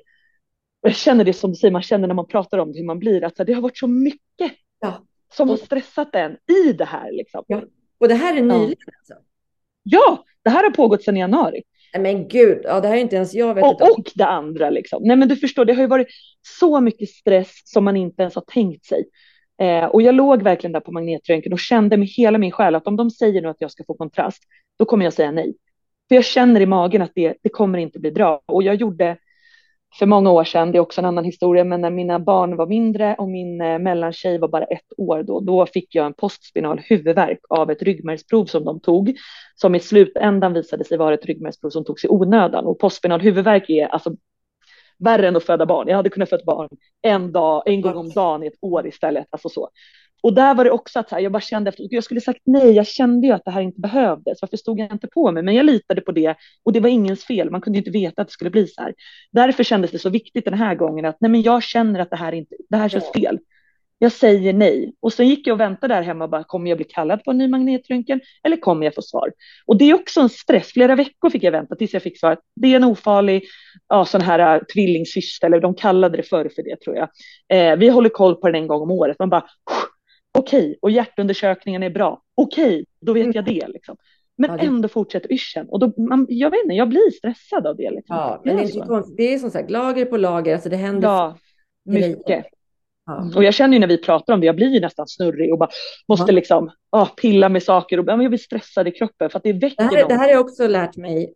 Eh, jag hamnade ju sen på en rehabilitering. Mm. När jag, läkaren ville ju sjukskriva mig där direkt. Så jag, jag kan inte nu för att jag är mammaledig. När han börjar mm. förskola, mm. då kan jag bli sjukskriven. Ja, men det är också man bara, kan jag bara få må dåligt ett tag till, för jag har inte tid liksom nu. Det var så fint, min man sa det här när jag var snurrig. Det var väl då efter Eh, på apoteket där. Och det här berättade jag för Emmy i butiken när jag var hos er sist. Att det låter, det låter inte snällt, men om man vet att jag alltid har varit en människa med väldigt, väldigt mycket ångest och eh, katastroftankar och liksom Eh, lever precis som du med en man som liksom inte vet vad ångest är och som bara försöker hantera det här på bästa sätt. Eh, och sen vi flyttade till Strängnäs, då är det liksom, har det bara varit vi. Vi har inte haft några släktingar som har bott här och min mamma bor långt bort som också varit en trygghet. Det är liksom, han har verkligen tagit sig an och steppat upp ännu mer till att hjälpa mig hantera när det blir mycket. Och så står jag där den där eh, fredagen och bara gråter för att jag vill åka till Calcito och inser att den här kristallworkshopen kommer inte gå att bli av. Och man känner sig alltså missly- Jag känt mig misslyckad. Som varför, varför är jag så svag? Varför klarar jag inte det här? Så jag står här i vardagsrummet och bara gråter och Jocke kramar mig. Så säger jag så här, förlåt för att jag är så jobbig. Och då säger han så här lugnt med världens varmaste röst. Men det är ingen skillnad där, det har du alltid varit. Och det låter ju jättetaskigt. Men för mig som vet att det han menar är att så här, du har alltid varit så här och jag älskar ju dig och jag har alltid älskat dig. Det är liksom ingen skillnad, inget har förändrats. Jag tar det som det du, du har alltid varit så här. Det är inget, så jag bara, åh, det är det snällaste du typ någonsin har sagt. och han bara skrattar för att han säger det för att jag ska börja skratta. Men jag sa det till honom efteråt, det där är bland det snällaste du har sagt. Han bara, men jag skojar Jag bara, jag vet, men det ligger också någonting i det som är djupare än så. Att ja. jag har alltid varit så här. Ja, och, och du har älskat mig ändå. Och det är liksom, jag älskar dig trots det, eller med det, eller liksom för det, det spelar ingen roll. Ja. Så jag bara, det låg någonting djupare än det som jag liksom, det, nej, det är bland det finaste han sagt under våra 13 år tillsammans eller något. För att det är liksom, ja, det, det är så. Och han älskar mig ändå och det är okej. Liksom. Åh, fint. fint. Jag tänker det här med att eh, vi, vi var inne på någonting när jag skulle börja prata om vad jag lärde mig där på min rehabilitering. Eh, mm. för när Ture då började förskolan så eh, tog jag emot att åka iväg på en rehabilitering här. Mm. Eh, Ladvik, väldigt bra ställe. Mm. Eh, och bland annat olika, liksom hur, ja, det här bråttom beteendet. Ja. Eh, att det är så mycket som, eh, är man inne i den här eh, utmattningen så mm. är det mycket man känner igen sig i. Att mm. det här bråttom beteendet, eh, man pratar fort, man fyller gärna i andras meningar. Eh, var sådana grejer som man bara, gud, att man kan faktiskt backa. Att just den här mm. jordaxeln går inte igenom dig. Eh, att man gärna går in i alla diskussioner och berättar gärna mm. eh, ens egna upplevelser, ens egna mm. känslor. Man kliver in och vill dela med sig. Och då, där fick vi så här öva och backa. Gud, det låter ju som jag. Gud, vilken oskärmig egenskap. Det är inte att det är oskärmigt, det är bara att vi kan, vi fick lära oss, så här ska jag lägga upp det. Vi fick lära oss hur vi kan spara energi. Nu Mm. när ni ska bygga upp er själva igen. Liksom. Mm. Så att eh, sitta med där det kanske är sharings och sånt och inte kliva in och berätta om Mm. vad jag kan förmedla. För att jag har också Nej. lyssna, eh, reflektera själv, Mm. Eh, låta folk, trots att det tar lite längre tid med en mening, få prata klart den meningen. Åh, det där måste man ju träna på. Och, För det kryper ju hela kroppen på en. och eh, prata långsamt. Och Ja. kanske, ja, det var så här. Och man, det var mycket sådana aha-grejer. Och det var där jag fick höra zebra-historien också. Ja. bland annat. Och nu har jag faktiskt skrivit ner några punkter just för att vi skulle prata om det här. För att fortfarande är jag, jag är inte återställd i min hjärna. Nej. Jag går in i bråttom beteenden. Jag går in i, alltså så här, Mm. göra mycket och ja, ni hör ju mig på lives ibland och hur jag, virrig jag kan vara. Att jag trycker in uppgifter i mitt liv som inte är mina för att jag inte har tid eller tålamod att vänta på att någon annan ska göra sin del. Det är helt sjukt. Man bidrar ju till det här målet Vet du- själv. Vet du vad det bästa är? Att Ja. nu är steg ett gjort. Att du ser de här sakerna. Ja, det är sant. Du kommer Mm. tänka till nu varje gång och det, då har du kommit en jäklig bit, lång bit på väg Mm. i ditt tillfrisknande. Om vi nu säger, ser det här som en... En rehabresa. Nej, och sen har jag ju alltid tänkt, det här har inte slagit mig för de senaste månaderna. Jag har alltid tänkt, hur fan kan man jobba sig in i väggen? Hur kan man tycka att jobbet är så kul, att man jobbar så mycket att man går in i väggen? För mig har det varit så oförståeligt för att jag har inte haft ett jobb som jag har känt den passionen för. Men sen när man jobbar på ett jobb där man helt plötsligt, eller jag har ju haft fantastiska kollegor tidigare också, men där man liksom vill lägga mer krut och kanske inte heller alltid, jo från mina kollegor får jag absolut uppbackning, men man kanske inte alltid känner den uppskattningen från andra håll så att man bara försöker överbevisa sig själv hela tiden. Samt har kalcit som man verkligen älskar, Du, jag skulle ju kunna jobba 350 procent, det skulle vi ju alla för att vi älskar det här Det har du sagt hela företaget. tiden, hela tiden nu när du har varit så här yr och så. Du bara, fast det är inte kalcit, jag lovar. Jag, Nej. jag bara, ja, men Ja, finns kvar. Ja, men för kalcit är ju det som, det har ju gett mig ett space där jag, som jag har saknat i så många år, för att sen jag fick barn har jag haft så svårt att prioritera egen tid. Jag har inte vetat vad egen tid ska vara, för för mig, att jag skulle lägga egen tid på att åka till Stockholm och äta en god middag, nej men då lägger jag hellre den egen tiden på att åka till Västerås och, och äta middag med mina barn också. Alltså jag, det gör inte mig till en bättre förälder, men jag trivs med att vara med dem. Det ger mig ro, det ger mig oro att vara från dem snarare. Och jag har svårt att prioritera bara mig utan dem. Men när jag har haft kalcit så har det gett mig att ja, men jag åker till Stockholm och jobbar, då känns det liksom vettigt. Men jag har också fått en stans där jag får vara bara Madde. Så att det har gett mig ett space och plus att jag tycker att det är så jävla kul. Och har också där världens bästa kollegor och chef. Alltså så att det har ju gett mig ett utrymme. Men det var liksom första gången för hålla några med. månader sedan som jag, Jag kan hålla med Ja. dig. Jag känner mig också att jag känner mig fri här. Ja, men och jag känner ju att jag har träffat andra människor som förstår mig. Där jag kan vara mig själv fullt ut för att ni fattar. Om det så handlar om att ligga på en infraröd matta och skaka så vet jag att ni förstår att ja, men hon är inte knäpp utan hon mår skit. Eller om det har handlat om att jag skrev till dig förra veckan, shit jag har glömt ett tandläkarbesöka mitt i allt, ja men jag löser det. Att det finns en förståelse för att vi är mänskliga, vi är inga jobbande robotar. Det gör ju att man trivs på kalcit för att man får vara sitt bästa jag. Men hur som helst, jag har i alla fall fått en annan förståelse för att man, det handlar inte bara om att jobba ihjäl sig. Jag tackar ja till massa saker fast jag inte orkar. Det handlar inte om att man kanske har ett jobb som är så kul att man jobbar ihjäl sig eller jobbar sig in i väggen, utan man tar sig an så mycket för att det är kul. Mm. Det är kul med det där jobbet, det är kul med den där utbildningen, det är kul att gå på den där middagen, det är kul att, att barnen tar hem fem kompisar och till slut bara jaha, Jag det känner handlar inte om att folk jobbar sig in i väggen, det handlar bara om att de har så jävla kul att de vill Ja. göra allt och det går inte att göra allt. Nej, precis. Och nu, När man står där och jag, på middag så bara vad fan, jag orkar inte det här egentligen. nu kommer jag till min lista. Ja, kör. Precis sådana här saker jag har skrivit upp. Nej, vad roligt. Och det här är ingen så här lista de sa, här har ni en lista, utan det här är bara saker jag kommer ihåg som jag anammat och som gör att jag kan ha jäkligt kul på jobbet, men ändå har distans till att må bra. Mm. Steg ett var ju att jag gjorde mig en egen arbetsplats Ja, där jag kan få vara mig tack för själv. det. Eh, och, där, och där alla kan få vara sig själva. Och även kunderna. Och besökarna. Men om vi går ifrån kalcit så är det så här, våga ta hjälp. om du är i en utmattning nu, våga ta hjälp, precis som du har gjort. Med allt, det kan vara sådana som har varit med om samma sak till att det är psykologer, terapeuter eller läkare. För att man ensam är inte stark i det här. Eh, var bara runt folk som du mår bra med och där du inte behöver gå på äggskal. För det tar så mm. mycket tid. Mm. Det att inte veta vad nästa steg ska vara.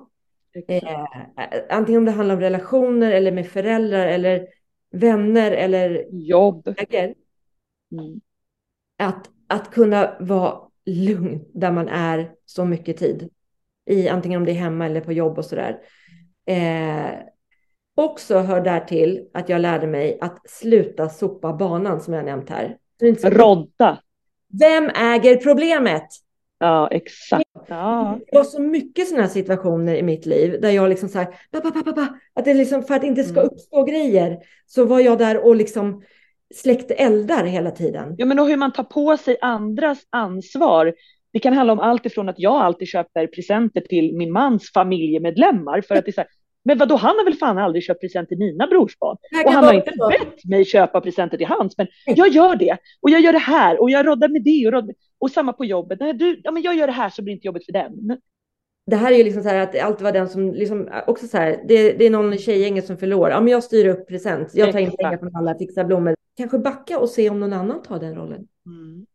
Eh, det var en sak. Sopa banan och vara runt folk där du kan vara dig själv och slippa gå på äggskal. Ta hjälp. Sen också zooma in. Man brukar säga zooma ut, men jag känner så här, när jag ska försöka förklara, zooma in i det är okej okay att vara lite ego. Mm. Alltså man gör alltid allt det bästa för ens nära och kära. Och mm. våga sätta, sig, sätta syrgasmasken på sig själv först för att sen kunna ge till andra. Mm. Det är svårt. Mm, men det är en ganska viktig att Absolut. göra det här Och det lärde jag mig också på Ladvik. Stäng mm. in dig själv på toaletten. Lägg dig ner och gör din meditation trots att det stormar utanför. Mm. Barn och hundar och allting. Eller säg till dina barn, nu går mamma och tar ett varmt bad och tar det lugnt och fyller på mm. energi för att kunna krama om mig riktigt gott sen, till exempel. Det, De lär, det lär dem att också ja. prioritera sig själva först. Exakt. Plus en annan sak, det var zooma in, eller zooma ut, hur man nu kallar det, men liksom att mm. se in till sig själv, hur fyller jag på för att kunna orka ge till andra. Vi gjorde även en övning där som var väldigt bra. Om, på en whiteboardtavla så ritade hon upp en streckgubbe, en mm. pepparkaksgubbe, liksom bara med konturer. Och så var det sådana här vanliga grejer som att eh, kan inte du handla mjölk när du ändå är i närheten av Ica? Ja, men absolut, jag fixar det. Ja, då suddade hon ut lite av en kontur, lite uppe vid örat. Mm till exempel. Du, kan inte du ringa din mamma och säga att vi inte kommer på det? För jag, riktigt, jag har inte riktigt tid. Ja, men absolut, jag styr upp det och så gör man lite det. Alltså, jag hinner inte egentligen, jag orkar mm. inte. Man nallar på det, sin energi. Då suddas liksom små konturlinjer ut, små streck mm. hela tiden. Till slut så är det hål som går rakt igenom en. Energin mm. och liksom, rakt igenom. Läcker. Och det är liksom så här. Men att då göra en meditation bara själv, att tänka sig att man fyller i konturerna.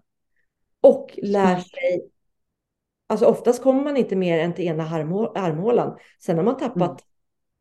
riktningen. Det är skitsvårt mm. att fylla i konturerna hela vägen runt. Prova det. Är det sant? Ja, det ska jag verkligen prova. Ja. Följ, följ med liksom, precis som du ritar en, en pepparkaksgubbe. En streckgubbe mellan fingrarna, runt pekfingret mm. in, runt ringfingret, upp mm. i armhålan. Där är det bara, åh gud, vad var jag nu? Då är man borta redan. Ja, är det sant? Wow. Alltså så var i alla fall min status. Ja, ja, ja. Men också att sätta gränser. Mm. Och man behöver aldrig skylla på, vet du, jag kan inte komma för att katten rymde. De säger så här, vet du, jag kan inte komma, punkt. För vet du vad det, det där är min svärmor bra på. Hon bara, man behöver inte ge massa förklaringar, säg bara att du inte kan. Nej, för vet du, då behöver man inte eh, förklara sig heller. Exakt. Då är det så här, okej, okay. och, och, och, folk vet, tycker det är ganska skönt med att umgås med folk som sätter mm. gränser. Då vet de att man vill på riktigt när man ses. Mm. Att man kan och att man orkar. Mm. Eh, och det här, tacka nej till det som kommer ta mer energi än det ger. Det ger, ja. Det känns jättehemskt att tacka nej till att åh, vi är tjejgänget, vi ska ses på restaurang inne i stan. Det ska bli skitkul, snacka gamla tider, käka. Mm. Eh, vet du, det är så många år som jag inte kunde vara med på det. Förstår. Jag var helt slut när jag åkte hem. Mm. Och bakis av det. Ja, det är det, man blir socialt bakfull för att man blir liksom, man får nästan ligga hemma en dag och bara Mm. för att ladda upp. Nej, och att, att inse det, att man kanske blir en tråkig prick, ja, det får det väl vara så. Men det här Mm. var för att orka vara mig själv. Mm. Eh, så att liksom vara där du får energi och där du kan vara Mm. dig själv och slappna av. Liksom. Mm. Jag kunde inte köra till Täby härifrån, vad tar det, en kvart? På Mm. många, många år. Det, och det var som att jag skulle köra till Grekland. Liksom. Det, kändes, det var ju, när jag började äta medicin och kunde köra till, jag bara shit, jag kan åka till! Ja. Vi kunde åka på en resa. Jag kunde gå in på frukostbuffén utan att svimma och Ja. ta lite mat. Vet du vad så många år? Ja, och för mig är det också sådär, eftersom vi bor i Strängnäs och inte, alltså vi har ju vänner här nu, men vi har inte så mycket familj, så blir det en stress när min, de dagar min man jobbar i Stockholm. För då bara, "Åh, om jag blir yr nu, då är det bara jag. Det är mitt ansvar med alla tre barn, det är mitt ansvar. Alltså man, man fixar ju det. Peppar, peppar, ta i trä. Nej, men man fixar ju det liksom. Men det blir ju, det är också något sådär som sätter sig. Att så här, man, man tror, jag vet inte, man, man, då går man och oroar sig i förväg på något sätt. Mia Törnblom sa så här, att oro är bara Ja. ränta man betalar på morgondagens bekymmer. Ja, det är verkligen sant. Det är verkligen sant. Det är tänkvärt. Mm. Mm. Nu är nu, nu är allt bra, jag mår bra, Mm. alla jag känner mår bra. Nu, Mm. mm. på nuet så är det oftast ingen oro, man bara är i nuet. Man kan ju inte göra något ändå. Alltså det, det vet jag också eh, att jag har hört någon gång just att så här, det spelar ingen roll om du oroar dig eller inte för resultatet blir ändå detsamma. Ja, Och ja, oron hjälper ju inte. Tvärtom, så varför ska jag oroa mig innan? Lite som att så här, folk bara, åh jag vågar inte vara glad i förtid för ja men vad är det värsta som kan hända? Då har du varit glad i onödan och det gör väl inget. och sen min det. sista punkt. Mm. Jag hittade ju till compassion i den här vändan. Mhm. Compassion, det, henne ska jag fråga om hon ska vara med i vår podd, hon som har Ja. den här boken jag läst. Men det, här, det var här triangeln, triangeln som finns i Calcits logga lite gömd. Mm. Den styr Mm. mig inte, men den är alltid med där lite i bakgrunden. Och vad står det för? Och jag har även tat- tatuering med triangeln också för en Ja. påminnelse. Den står för jättemycket för mig och den står, får stå för vad som helst för vem som helst. Men många goda ting är tre om man säger så. Mm. Men just det här att leva, man har driv, hot och återhämtning. Om vi tänker det så. Driv är blått, hot är rött och grönt är återhämtning. De här tre olika spetsarna på triangeln. Att det är så viktigt att ha balans däremellan. Mm. Eh, ofta ligger vi mellan driv och hot väldigt mycket, apropå zebran på savannen. Mm. Och inte gå ner och betar på återhämtning. Mm. Eh, ett exempel är till exempel, ja men den här morgonen när du försov dig. Ja. Du vaknar bara, la la la, gud vilken härlig morgon, jag är i grönt. ja, ja. Går in och så bara, shit! Och det blir så här, driv skitsnabbt fixar du allting. Ja. hotet är att du kommer för sent och barn står och väntar och kan inte komma in på avdelningen för att du är försenad. Nej, Driv hot, driv hot, driv hot. Alltså hela tills du är på det plats. studsar bara. Mm. Det studsar, ja. Absolut. Men där ska du tänka så här. Nu har jag varit i grött, rött och blått i Mm. en timme. Dags att gå ner i grönt. Mm. Att du hittar den här återhämtningen. Ge dig själv det, för då får du balansen igen. Jag ska ner i grönt. Mm. Jag har, mig, jag har haft en sån situation. Ner Ja, det är så skönt att ha något att visualisera för Ja. då blir det tydligt. Mm. eh, det var som direkt efter den här rehabiliteringen som skulle till förskolan. Eh, blev sen, jag visste att det stora skulle gå till skogen. Mm. Och de skulle gå prick klockan åtta. Så det var viktigt att vi var där prick klockan åtta. Mm. Men det, det sket sig liksom. Och då var jag i driv och hot. Blått, Mm. blått, rött, blått, rött, blått, rött. Men så bara, okej, hur kan jag lösa om jag kommer ner i grönt här så jag kan släppa stressen? Jag ringer till förskolan och frågar vilken skog ska ni till? Ja, jag möter upp er. Jag möter upp er där. Dunk, där hamnade jag i grönt. Mm. Och så åkte vi lugn och ro till den skogen. Och så mötte han upp sin förskolegrupp där. Ja, skapa förutsättningar för sig själv. Ja, och tänka det här, okej, nu är jag inne i en riktig stressloop, liksom. Hur gör jag för att komma ner i grönt? Mm. Så den triangeln, Viktig. Mm. Och det är också mentala träningen, tanke, känsla, handling för mig. Mm.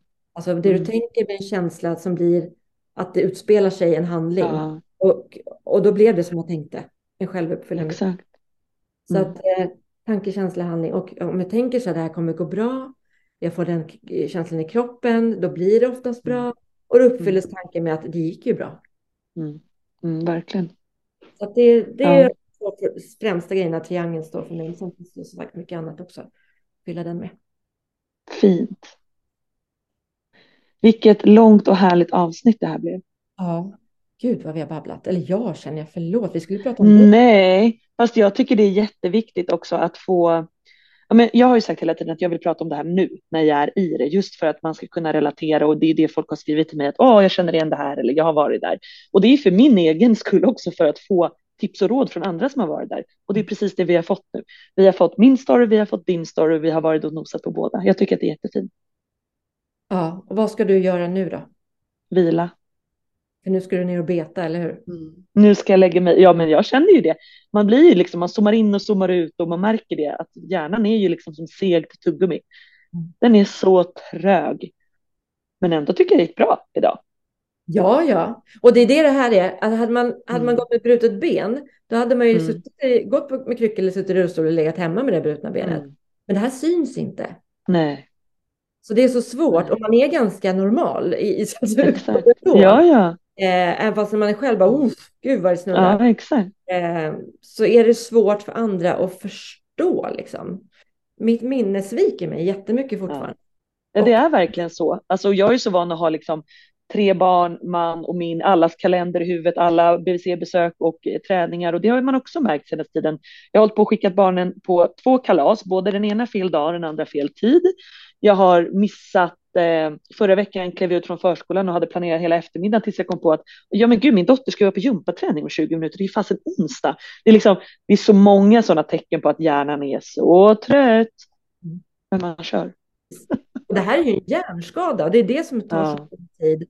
Så Mm. bara till alla som känner symptom, stanna upp i tid. Mm. Ja, verkligen. Och det var nästan som när jag låg på den där mattan och kände som jag sa till dig, bara, nu, nu är det nog, det där var droppen. Jag känner nästan som så här, jag vet ju vad jag vill göra i mitt liv, jag vet vad jag vill jobba med, jag vet vilken, vet vilken bransch jag vill in i. Det är som att jag bara har väntat på att inte orka mer. Mm. Att jag har tänkt, jag kör lite till, jag kör lite till, för det är inte läge nu, jag kan inte göra nu. Jag har nästan bara väntat på att få bli så här trött, förstå mig rätt, att jag har liksom känt att ja, men jag kör tills det, jag är helt slut. Och då kan jag någonstans lägga fokus på att göra det där. Då. Att det, eller liksom, jag kör i den här branschen som jag kan, som jag vet, så länge jag orkar, för att jag har inte tid nu att styra om. Tills det liksom, jag kör tills det inte går längre, tills jag inte har något val och måste. För att jag har inte tid att lägga fokus på det nu. Man hör ju själv hur det låter. Och det är skillnad också på, för att flera frågar mig så här, hur sjutton orkar du jobba dubbelt när du startade Calcit under två år? Eh, och det var ju sjukt jobbigt, alltså, Mm. dygn, liksom, alltså man satt upp, nej men det var inte mycket sömn. Mm. Apropå Nej. min historia så var många oroliga eh, Mm. bakom mig liksom. Men jag visste att det var under en kort period. Exakt. Det här ska inte, jag vet att jag får återhämtning eller jag vet att det Mm. kommer bli bra. Ehm, det hade ju inte kunnat gå att hålla på så dubbelt Forever. Jo, när man inte vet att det finns ett slut på det. Liksom. Nej, Och det är det, vet man att det finns ett slut, då går det ofta, har man något att förhålla sig till. Ja. Jag har lite där äggskalsgrejen som du känner att man kan inte vara på ett hem, en arbetsplats, vad det nu är, där man känner att man inte får vara sig själv. Där man inte kan slappna av, där man inte kan, liksom, ja, jag vet inte. Mm. Jag måste byta bransch. Det är en Det är en fantastisk bransch utan förutsättningar. Men det är svårt, alltså, när det är det man kan och det man vet och det man gör. Alltså det, och så väntar man och tänker, jag kör lite till, kör lite till, kör lite till, tills man ligger på ett golv och bara, åh, nej, nu går det inte. Och en annan sak som är väldigt bra är att byta ut Mm. alla måsten till vill. Ja, det är lättare att sålla då. Det blir mer positivt laddat. Mm. Jag vill byta bransch. Hur känns Mm, det när du säger jag måste? Det känns fantastiskt. Ska vi Det känns valt från hjärtat. Det tycker jag vi ska. Tack för det här Eh. fina avsnittet. Ja, men gud, alltså det, det här ska bli intressant att klippa det här avsnittet. Det, Vi har haft liksom, eh, eller du har haft DHL som har hämtat paket, DHL som har lämnat paket och en dörr som gick sönder och en låsmed som han kom under det här poddavsnittet. Ja. Det tycker jag är bra jobbat. Du han ja. ringer låsmeden, han, han kom och han har åkt. Ja. Eh, och jag vet knappt vad jag sagt. det ska bli intressant att lyssna på det här avsnittet också. Det här är våran mm. story och eh, våga säga på arbetsintervjuer att du har varit sjukskriven. Det är också ett tips. Mm. Eh, man får väldigt många styrkor av att ha varit mm. eh, utmattad. Att man har lärt mm. sig väldigt bra läxor som gör att man blir mm. väldigt bra på att prioritera och känna in kroppen. Ja, så är det. Stor kram på er alla där ute. Stor kram och tack för att ni har orkat lyssna. Krya på dig Madeleine, du vet var jag finns. Tack, det vet jag. Jag är så tacksam för det. Stor puss och kram. Hej!